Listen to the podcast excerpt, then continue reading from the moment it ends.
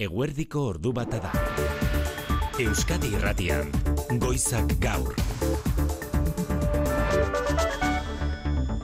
Arratxalde hon guztioi, datorren apirilaren hogeita baterako hauteskundeak ofizialki iragarri izanak inigo urkullu lehendakariak, lehen azgainare gehiago bizkortu ditu edo bizkortu du alderdi politikoen makineria elektorala, horren adibide, alderdi guztiek egin dutela bart hauteskunde deialdiaren inguruko valorazioa eta hori gutxi ez eta gaur goizean ere guztiak agertu direla prentsaren aurrean izan formatu batean alabestean. Alderdi guztiak eta inigo urkullu lehendakaria bera ere bai, atzoko agerraldian egin zuen balantziari segira emanez, gaur nabarmendu du berrikuntzan azken amarrurteotan mila eta zortzio milioi euroko inbertsio eginda, bere gobernuak bete duela berrikuruntzaren alorrean Euskadi Europako batez bestekoren gainetik jartzeko helburua. Egun, Europako berrikuntza panelean, Euskadi berritzaile indartsuen taldean dago. Duela hamar urte ezarri genuen helburua lortu, lortu egin dugu. Berrikuntzan, Europako bataz bestekoaren gainetik gaude. Hemendik eta apirilaren hogeita batera bitarte ohitzen hasi beharko gara batzuen lorpenen eta besteen kritikekin hauteskunde aurre kanpaina bete betean sartuko dira gaurtik aurrera Araba, Bizkaia eta Gipuzkoa. Gainerakoan Xiker Esnal Arratsaldeon. Arratsaldeon inigo. Ukrainako inbasioaren bigarren urte urrenaren bezperan armak eskurantzeko laguntza eskatziaz gain, Volodymyr Zelensky Ukrainako presidenteak esan du bere herrialdeak bizirik iraungo duela, baina ez Ukrainar guztiek. We will survive, of course, but not all of us. Eta And if the horretarako world is prest ready for badago this. mundua, tragedia Europa osoarentzat izango dela. Bi urteotan suntsitutakoa berrera ikitzeko, gutxienez hamarkada bat behar izatea aurre ikusten du Kiebek. Moskun berriz, В современном мире немало тревожных вызовов и рисков. Putin presidenteak zeharka baino ez die aipamenik egin Ukrainan borrokan ari diren soldadu errusiarrei eta azpimarratu du armategi nuklearra erabat modernizatuta dutela Errusiaren subiranotasuna defendatzeko. Arratsaldeko ordubietako albistegian ekarriko edo aztertuko dugu, zertan den Ukrainako gerraren bigarren urte hurren hau Mikel Aramendi adituarekin. Urbilago Valentzian amalau solairuko etxe bizitza eraikinak iskali eta lau pertsonaren erietzo baiestatuta desagertutako pertsonak aurkitzea da gaur duten lehentasun nagusia Pedro Sánchez Espainiako gobernuko presidentea Valentzian da gaur. La prioridad ahora es la búsqueda de víctimas y, eh, sin duda alguna, tratar de salvaguardar con ello. Bederatzi eta amabost pertsona artean falta dira eta drone bidez aritu dira euren bila orain gutxi arte. Izan ere suhiltzaileek eta polizia zientifikoak ezin izan baitute eraikinera sartu segurtasun faltagatik. Sua ziztu bizian zabaldu zen eraikinean bi faktoreren eraginez adituen arabera. Batetik jada debekatuta dagoen eta oso suarbera den poliuretanoz estalita zegoen fatxadaren zati bat eta bestetik fatxada irestatuak tximini efektu delakoa eragin zuen. Inigo Lizundia Euskal Herriko Unibertsitateko Arkitektura Fakultateko irakasle eta doktorea Euskadi Irratiko Faktorian. Fatxaire estatuak egia da, e, kamara txiki bat dutela, eta, bueno, kamara hori airestatua da, beraz, kanpotikan airea sartu egiten da, eta tximinia funtzio bat bezala du, ez? Baina egia da, zute bat egongo balitz, hori e, azkartzen duela. Hori bai, lasaitasun mezu emandu Lizundiak azalduz azken urteotan zahar berritutako eraikinetan eta berrietan fatxada airestatuak isolatzeko ez dela material suarbera erabiltzen. Martxoaren sortziari emakume nazioarteko egunari begira, adineko emakumeek gazteagoen alduntzearen alde egindako lana nabarmenduko dute aurten Eusko Jaurlaritzak hiru aldundiek eta eudelek bultzatuko duten kanpainan. Nere izebak nahi didana izatera animatzen nau. Nire amak ekonomikoki autonomoa izateko esaten dit. Nire amonak neure burua Zuetaz, baloratzen arro, irakatsi zidan. lelopean, bihartik aurrera zabalduko dira iragarkiak, komunikabide, kale, ikastetxe, osasunetxe eta gainerako lekuetan eta kanpainak goraipatu egingo du eskubideak mugatuta izan zituzten belaunaldietako emakumeek berdintasunerako bidean izan duten garrantzia. Nerea Melgosa berdintasun sailburua eta miren elgarresta emakunderen zuzendaria. Aitorpena egitea gure herriko adineko emakumei, bereziki aldontzeko eman diguten bultzadagatik. Garrantzitsua da belaunaldi ezberdinek nagusien legatua jasotzea eta garrantzitsua da baita ere belaunaldi gazteen ahotsa entzutea. Errepidetan zer berrian nahi zausti? Segurtasun sailak arreta eskatzen du azortzian usurbilen, kami bat baitago matxuratuta bilborako norantzkoan eskuineko erreia itxita dago eta adi beraz puntu horretan. Eguraldiari dagokionez olatu handiak direla eta alerta laranjan gara Bizkaia eta Gipuzkoako kostaldean asteburu osorako gainera itxasgoran sor liteken arriskuagatik eta udalak hasi dira ohiko neurriak hartzen Donostian esaterako itxi egingo dituzte pasealeku berria Leizaola pasealekua zurrilako kai muturrean eta izearen orrazia elurra dela eta bisu horian ere izango gara barrualdean ja urlaritzak iragarri du martxan jarriko duela neguko bide zaintza plana, jaionen munarriz Euskal Meta Arratxaldeon. Kaix Arratxaldeon. Negu girorantz goaz, beraz datuzen orduotan. Hori da, bai, e, Arratxaldean mendebaldeko izarekin ez zaparra botako ditu, ipar partean ugariagoak izango dira, baina Arratxaldean barnealdera ere zabalduko dira.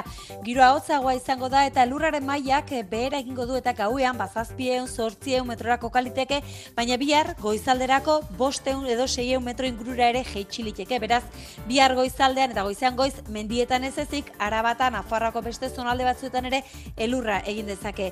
Goiz partean bihar zaparradak ugariagoak izango dira, batez ere ipar partean eta ekaitza jo eta txingorrere bota dezake. Beraz, larumata eguraldi makurrarekin dator. Eta igandean egoera zertxo baita aldatu egingo da, aizeak egomende baldera egingo du, indartxu ibiliko da, batez ere aizelekuetan eta aize horrek temperaturaren gorakadakarriko du beraz, elurra berri ere mendietara mugatuko da.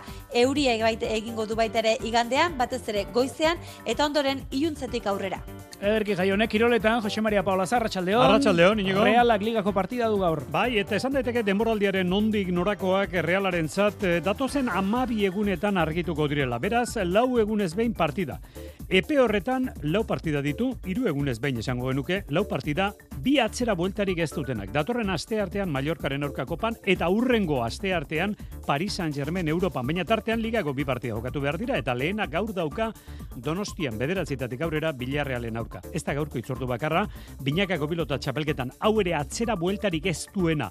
Amore bietan elordi rezusta peña albizu, galtzaileak etxera doaz, eta irabazleak e, beste kanporak eta batera, datorren igandean hartola eta imazen kontra. Eta errukbiak itzordua gaur miarritzen aldetik, e, kolomierzen zelaian dauka, jeitxira postuetan da irugarren mailara, momentu honetan miarritze. Ordu bat atardietatik aurrera, kirol albiste guzti guztiak kirolegez saioan, Jose Maria Paula zerekin, eta ordu biterdietan etorriko zaigu Manu etxe sortu kultur lehiora, Manu Arratxaldeon. Kaixo inigo. Nestor Basterretxearen mende urreneko erakusketa berezia gabiatzeko publikoarentzat ezaguna ezten alorra aukeratu du Bilboko Arte Ederre Museoak. Bai, Nestor Basterretxeak Euskal Artea berritu zuen ogoi mendeko bigarren zatian eta batez ere eskulturgile gisa da ezaguna, baina beste alor batzuk ere landu zituen esate baterako industria diseinua eta arkitektura. Bilboko Arte Ederre Museoak artista hundiari propio eskenitako erakusketa antolatu du, aipatu ditugun alor hoietan berak sortutako eunda berrogeita mar pieza baino gehiago bilduz.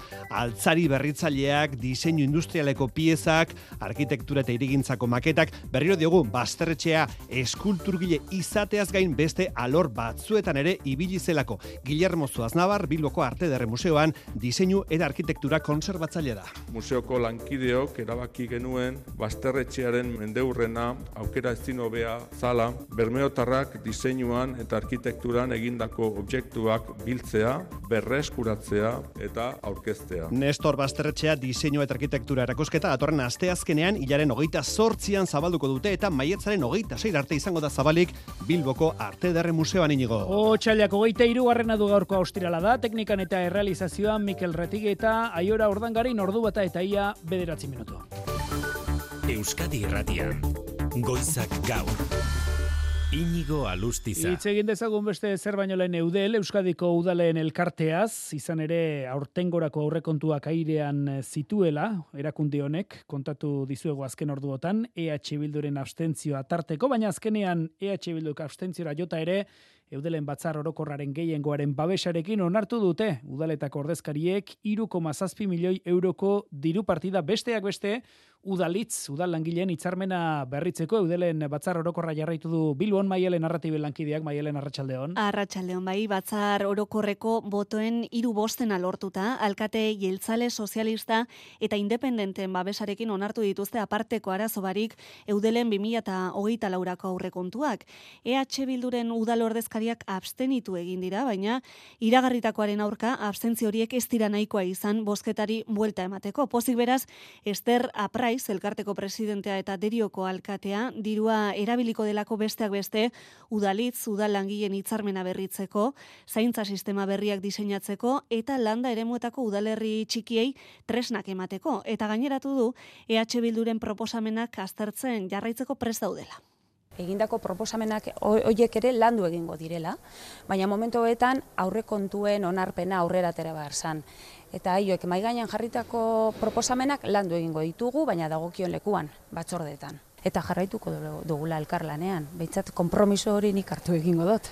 Nagore Alkorta, Eudeleko presidenteak IH Bilduren izenean ala ere, ez du benetako borondaterik ikusten, adibidez Euskera lehenesteko edo kanpoko kontratazioekin amaitzeko, eta berretsi du abstentzioaren bidez hori salatu nahi izan dutela. EAJak eta sozialistek inposaketa ereduari eusten diotela.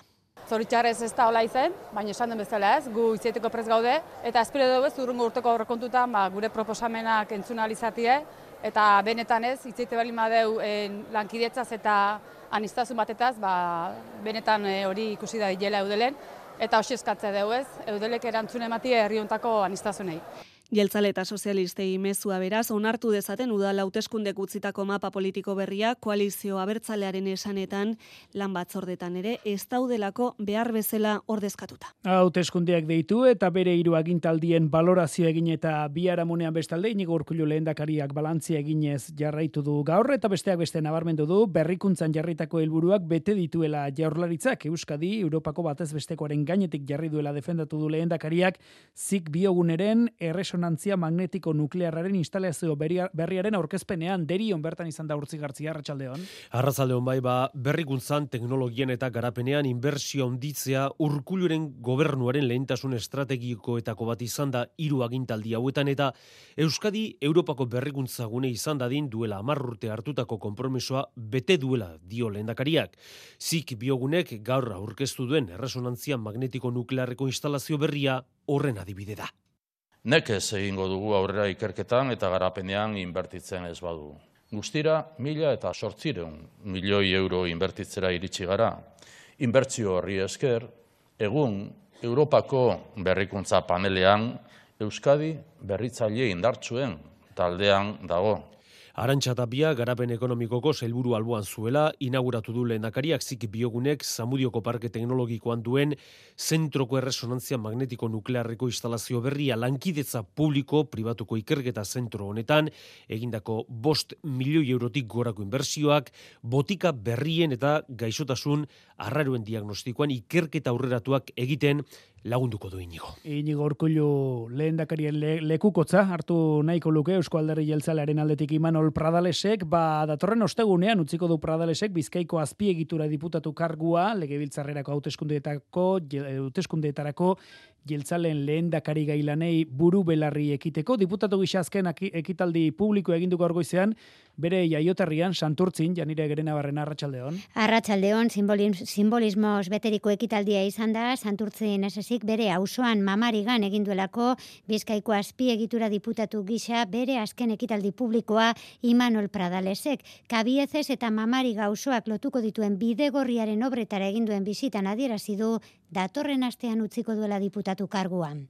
Datorren e, asteartean Euskal Autonomia Erkidegoko boletinean agertuko da hauteskunde data eta beraz e, nik egun horretan renuntzia ma, e, maigainan jarriko dut eta horrengo gobernu kontseiluan eta gu gobernu kontseiluakoen ostegunetan egiten ditugu ba diputadoa izatearea utziko diot. Ostegunetik aurrera Eusko Legebiltzarrerako hauteskunde kanpainaren prestaketari buru belarri ekingo dio, bere erronka nagusiena Euskal Gizartea entzutea izango dela dierazi du hauteskundei begira proposamen on bat lantzeko. Ari naiz azken asteotan eragile ezberdinekin ekonomikoak, gizarte mailan kulturalak, kirol mundukoak pertsona askorekin entzuten, ikasten eta aldi berean ba, ideiak eta proposamenak e, hartzen gure proiektua Euskal Gizarteari e, bueno, erakusteko kanpaina etortzen danean. Datozen egunetan argituko du Elisabete Etxanobe Bizkaiko aldun nagusiak nork ordezkatuko duen Imanol Pradales azpiegitura diputatu karguan aldundian pisua duen saila ezbairik gabe egitasmo garrantzitsuak kudeatu beharko dituelako datozen urteetan itsasadarraren azpiko tunela Olairon zubia edota avanzada edo hartasako errepidea estaltzeko lanak besteak beste. Sarreran esan dizugu alderdi politiko guztiek jarri dutela martxan apirilaren hogeita baterako makinaria hauteskundiak irabazteko mezuak Hitzak entzun ditugu gorgoizean, EH Bilduren eta alderri sozialistaren aldetik, popularrak Galiziako olatuaz baliatuta, inkesten emaitzak hobetu nahiko lituzkete popularrek eta Madrildik etorrita Estatuko Podemosen babesa jasodu gaur gazte izen, miren gorrotxategi kaso naruzena Arratxaldeon. Arratxaldeon bai hauteskunde kanpaina horri begira jarri dira jada alderri politikoak, EH Bildu hause dela bere unea sinetxita, ziklo berria gehiengo berriekin dio oian etxebarrietak eta alderri politikoei deia luzatu die lokatzetatik atera eta herritarren beharrei harreta jarrita egin dezaten kanpaina. Politika konbentzionalean ohikoak diren lokatzetatik aldendu eta eztabaida politikoaren maila igo nahi dugu. Eta hori da, beste hautagaiei ere eskatzen dieguna. Ilusioz eta itxaropen ez dagoela dio beraldetik eneko handu ez da lendakari gai sozialistak erantzukizun handia duela bere gain, baina argi du helburua ajurianean berriro ere lendakari sozialista izatea. Logikoki, urrengo apirila goita batetik aurrera nahi deguna, gobernu hori Euskal Sozialisten eskuetan egotea, lidergo hori gure eskuetan egotea, gidoi aldaketa hori posible egiteko Euskadin lendakari sozialista bat eukita. Madrildik etorrita bestalde Jone Belarra, Estatuko Podemoseko idazkari nagusiaren babesa izan du miren gorrotxategi lendakari gaiak eta PNV ajurianetik kentzeko aukera bakarra direla diote. Guk argi daukagu, guk eh, ezkerreko gobernu bat eh, nahi dugu. Elkarrekin Podemos es la única fuerza que garantiza un gobierno en el que no esté el Partido Nacionalista Vasco. Alderdi Popularrak bitartean Alberto Núñez Feijoren bisita izango du datorren astean, Galizian gertatu bezala, inkestek iragarritakoa baino emaitza hobeak lortzea dute helburu Laura Garrido Euskal Telebistar beti guri inkestek ba, ez digute ondo ematen. Orduan guk lana ikaragarria egingo dugu, alternatiba sendo hori aurkesteko alternatiba bakarra daukagunaren aurrean alderdi popularra delako. Madrilen bitartean, Jose Luis Abalos diputatu sozialisteren aurkako presioa areagotzen ari da, baita pesoeren beraren aldetik ere, kargu hauz dezan, bere aholkularioi koldo gartziaren hauzia tarteko.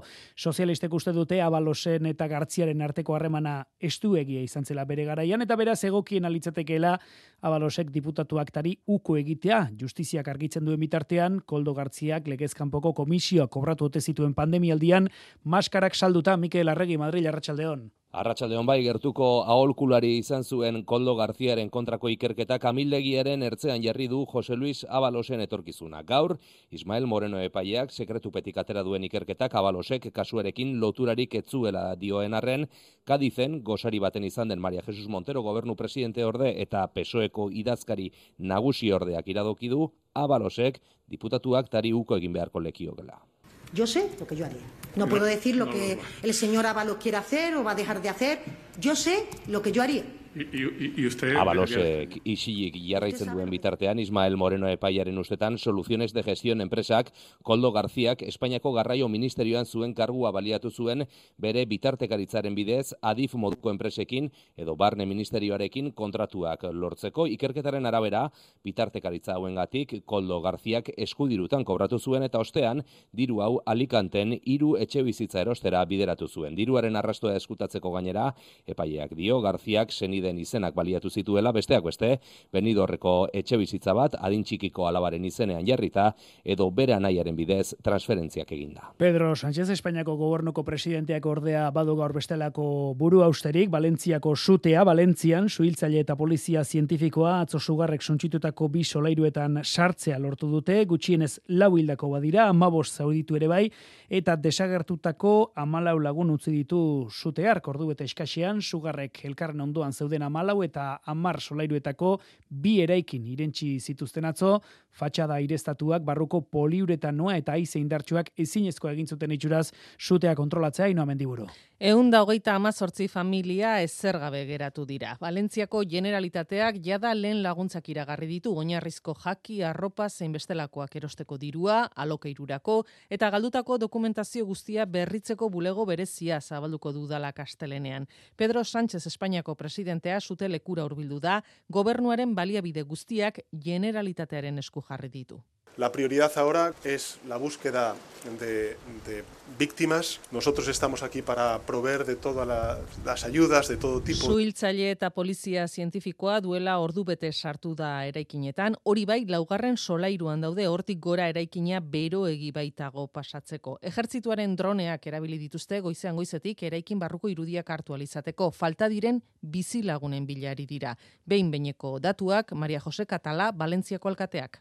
En base a la información de los bomberos sabemos que hay cuatro personas fallecidas, no identificadas. En base a la información de los vecinos, estamos hablando entre, pues entre 9 y 15 personas que no localizamos. Zaurituei dagokienez, amabos persona hartatu behar izan dituzte, horietatik zazpi sute itzaltzelanetan zauritutako suhiltzaileak. Guztiak arriskutik kanpo daude. Goizak gaur. Ordu bata eta hogei minutu gazan milioi bat aur goseak hiltzeko arrisku handirela jakinarazi du Save the Children gobernuzkanpoko erakundeak Israelen erasoaldia tarteko ezinezkoa baita laguntza banatzea. Bien bitartean, suetenarako elkarrezketak ez aurrera ezatzera daude, eta Kairoko egonaldi amaitutzat jodu, jamase, edo, jodute jamaseko ordezkariek mertxetxe berria Arratxaldeon. Arratxaldeon, estatu batuetako eta Egiptoko inteligentzia arduradunekin hiru egunez bilerak izan ondoren, Katarrera itzuli da Ismail Janile jamaseko buru politikoa, itxura batean aurrera biderik lortu gabe Kairon. Datorren astean jarraituko dute elkarrizketek Parisen Katarreko gobernuaren parte hartzeaz. Israelek martxoaren amar arteko epea emana du, jamasek bere esku dituen baituak askaditzan, bestela Rafa milioi terdi desplazatu dauden eremuan lurreko tropak sartuko dituela egindu mehatxu, gatazka amaitu ostean gazarako zer asmoduen jakinarazi du netan jaulen ministroak azken ordu hauetan, desmilitarizatua segurtasuna Israelen kontrolpean duena, unrua errefuxatuen ardura izan duen agentziaren presentziari gabeko eremua nahi du Israelek gazan gogoratu erakunde horretako unruako dozena bat langileri jamaseko urriaren zazpiko erasoan parte hartu izana leporatu ziela Israelek. Errusiak Ukrainaren inbazio abiatu zuela bi urte betetze arbestalde, Volodymyr Zelensky presidenteak armak eskuratzeko laguntza eskatu du beste behin. Ameriketako estatu batuetako Fox telebistakatean Ukrainak bizirik irango duela esan du Zelenskik, baina ez Ukrainar guztiek. Will we survive?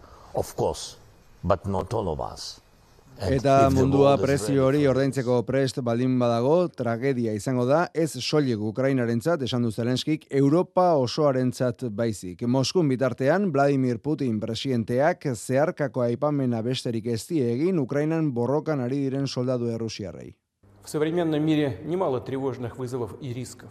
Errusiaren subirautza defendatzeko armategi nuklearra erabat modernizatuta dutela azpimarratu du herriaren defendatzaileen omenezko ekitaldian. Gerra hasi eta bi urtera Kieben giro ezkorra da nagusi, Ukrainarrek espaitute espero gerra bere alakoan amaitzea, Amaia Uribe iteberen berri emaile berezia Ukrainako hiriburuan da, Kieven, Amaia Arratsaldeon. Arratsaldeon nekatuta aurkitu ditugu herritarrak hemen Kieven bi urte dara matzate gerran eta dagoeneko barneratu dute gatazkak luze joko duela oraindik. Duela egun batzuk, Errusiarrek Abdif kairiaren kontrola hartu izanak kezka ere areagotu du. Izan ere Ukrainarrek badakite armak, munizioa eta soldaduak falta direla. Zelenskiren gobernuak momentuz ez du esaten zenbat soldadu hil diren gerran, baina estatu batuetako ofizialen arabera irurogeita amar mila inguru izan daitezke.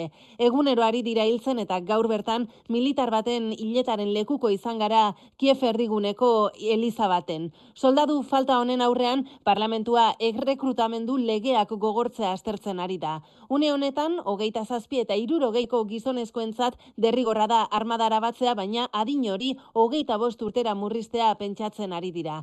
Horrekin batera, geroz eta emakume gehiago ari dira armadara hurbiltzen eta gerra hasi zenetik emakume kopurua euneko berrogei igo da. Izan ere dena beharko dute hemen, Ukrainak baino hiru aldiz biztan legeiago dituen Errusiari aurre egiteko. Ukrainak Europar batasunarekin duen muga nagusietakoa Poloniarekikoa da eta bertan izan da gaur Ursula von der Leyen Europar batzordeko presidentea besteak beste iragartzeko Europako suspertze funtsetatik dirua jasoko duela Poloniak lehenbiziko aldi zehazki eunda hogeita amazazpi mila milioi euro amaia Portugal Brusela Arratxaldeon. Arratxaldeon bai, aste honetan bertan Poloniak ekintza plana aurkeztu die estatukidei zer erreforma egiteko asmoa duen bat egiteko Bruselak ezarrita dituen baldintzekin zuzenbide estatua bermatze aldera. Zintzo jokatzeak ordaina duela esan du Donald Tusk lehen ministro berria gaur Polonian Ursula von der Leyenekin eta Alexander de Croo Belgikako lehen ministroarekin egin berri duen agerraldian. Hala esan du von der Leyenek iragarri eta gero datorren astean Europar batzordeak eunda hogeita mazazpi mila milioi euro askatzeko agindua emango duela. I have good news. Next week the college will come forward with two decisions. Koesio funtsetatik aterako da diruaren zati bat, baina bestea aurrenekoz Next Generation funtsetatik izan ere biak alabiak blokeatuta zituen Poloniak justiziaren edo LGTBI kolektiboaren eskubideen alorrean arauak urratzeagatik. Azpimarratu du onderlaienek Next Generation funtsetatik mila eta lareun milioi euro Poloniar nekazariek berehala baliatu al izango dituztela, izan ere nekazarien protestak agendaren erdigunean da dauden honetan, aleginak eta bi egiten ari da batzordea erakutsi nahian itun berdearekin ez dutela eurak bazter batean usteko asmorik. Zentzu horretan azpimarratu nahi izan dut uskek, Ukrainako nekazaritza produktuak blokeatzeko mugan protesta egiten ari diren Poloniar nekazariak ez daudela Ukrainaren aurka, esan du ez dela uzi politikoa biziraupen kontua baizik. Ba pandemiaren ondorio aurre egiteko Europak martxan jarri zituen Next Generation funts horietatik 2 mila milioi euro pasa jaso ditu orain arte Euskal Autonomia ekonomia erkidegoak legebiltzarrean gaur egin duen agerraldian emandu datua Pedro Azpiazu ekonomia helburuak eta bide batez sektore estrategikoetako proiektuen kudeak eta eskualdeen esku ustego ere eskatu du berriro Xabier Urteaga. Proiektu estrategikoetarako laguntzen kudeak eta eskualden eskutzi ezkero harinago iritsiko direla eta etekin handiago aterako zaiela esan du Azpiazu helburuak. Europako batzordeare horren alde agertu dela ekarri du gogora. Azpiazu korain arte Euskadik jasotako laguntzen xetasunak eman ditu. Labor bilduz Euskadik 2000 amairu milioi euro jaso ditu guztira. Hoietatik, mila eunda larogeta amabi, euneko berrogeta amazazpia, Eusko Jolaritzen bitartez jaso dira eta sortzirun eta larogeta bat, euneko berrogeta irua, estatua zuzenean kudeatzen ditu. Sailburaren esanetan Euskadiko enpresek kezka azaldu dute funtsak oraingoz ez direlako iritsi produkzio eunera. Onartuta dauden amabi plan berezietatik Euskadin diru gehien ondoko arloek jaso dute aerospazialak, hizkuntzaren ekonomia berriak eta ibilgailu elektrikoak. EH Bilduk jaurlaritzaren kudeak eta kritikatu du Madrilen erabakitakoren menpe egon direla esan du Mikel Oterok. Europako funtsen inguruan jaurlaritzaren papera finean neurri batean e, erabakitako bide batengatik ba oso bigarren mailakoa izan dela, ezta? Legebiltzarreko ekonomia batzordearen azkeneko bilera izan da gaurkoa, despedida kutsua nagusitu da, azpiazu sailburua eta alderdietako ordezkarien artean. Nekazari Poloniaren protestak eh, aipatu ditugu orain gutxi, ba Nafarroan traktoreak iruinera itzuli dira, nekazari talde batek mobilizazio eusten die, duela aste bete baino, indar nabarmen gutxiagorekin hori bai, izan ere gaur sortzi berrogeita mar kompromiso biltzen dituen agiri adostu zuten Nafarroko gobernuak, laborarien sindikatuek eta plataformako ordezkariek heli eraso iruina arratsaldeon. Arratsaldeon bai ba berrogeita mar bat traktore dabiltza bart arratsaz geroztik talde txikitan Iruñan nekazaritza departamentuaren aurretik pasa dira. Landabengo Volkswagen lantegira ere joan dira, txanda aldaketetan bertan salatu dute Nafarroko gobernuak laborariei baino tratu hobea ematen diola Volkswageni. Nola nahi ere gaurko irudiak ez du ikusirik aurreko astean Iruñean ikusi genuen ehunka traktoreko mobilizazioarekin Nafarroko gobernuak nekazarien ordezkarien gehiengoak UAGN N eta UKAN sindikatuek eta baita FSI plataformako eledunek joan den ostiralean sinatu baitzuten lehen sektorearen egoera hobetzeko berrogeita mar konpromisoko agiria eta horretan ari dira lanean. Mobilizazioi dagokionez, bai uajenek, baita enek ere, estatuko sindikatu nagusiek datorren astelenean Madrilen deitu duten manifestazioarekin bat egin dute. Eta Gipuzkoako basoen etorkizuna bermatu eta basogintza sektorearen jarduera ekonomikoa suspertzeko berreun baso jaberekin hasi da lanean. Oraingoz, basotik izeneko fundazioa pentsa Gipuzkoan basoen euneko laurogei jabetza pribatukoak dira, ia amar mila ustiat egiten zatituta dago, eta horiekin guztiekin lanean aritzea litzateke helburua basotik fundazioaren alegazpin egin dute gaur orkezpena bertan izan da. Jokin nahi erregara jarratxaldeon. Gipuzkoako basoen euneko larogeia jabetza pribatukoa da ia amar mila ustiat egiten manatuta. Zatik eta horrek basoen zeinketa zailtzen du Eider Mendoza Gipuzkoako diputatu nagusiak azaldu duenez. Horrek asko zailtzen du baso horien kudaketa. Asko zailtzen du abandonoa dakar horrek eta belaunaldi aldaketari dagokionez ba zailtasun handiak ikusten genituen. Jabeen erdiak baino gehiago 60 urtetik gora ditu eta ez du topatzen belaunaldi berrien artean erreleborik. Hori da Jose Mari Ibabe 83 urteko bergara erraren kasua. Menuen nere lurrek herentziak guediez eta mantentzie. Eta ni gaurko unien eskapaz horrek gestionatzeko. Eta baduket, zazpilu iba, baina ez du inok eser nahi, segitzik. Abandonua ekidin eta kudeak eta bermatzeko basoen zaintza eta ustiapena bere gain hartzen du basotik fundazioak. Jabegoari trukean hilero ordainsaria eman da. Dagoeneko eskuartean dituen lareun hektariai 2008 lauan beste mila zortzireun hektarea gehitzea aurre ikusten du Gipuzkoako foru aldundiaren fundazioak. Ordu bat atardiak jo berriak.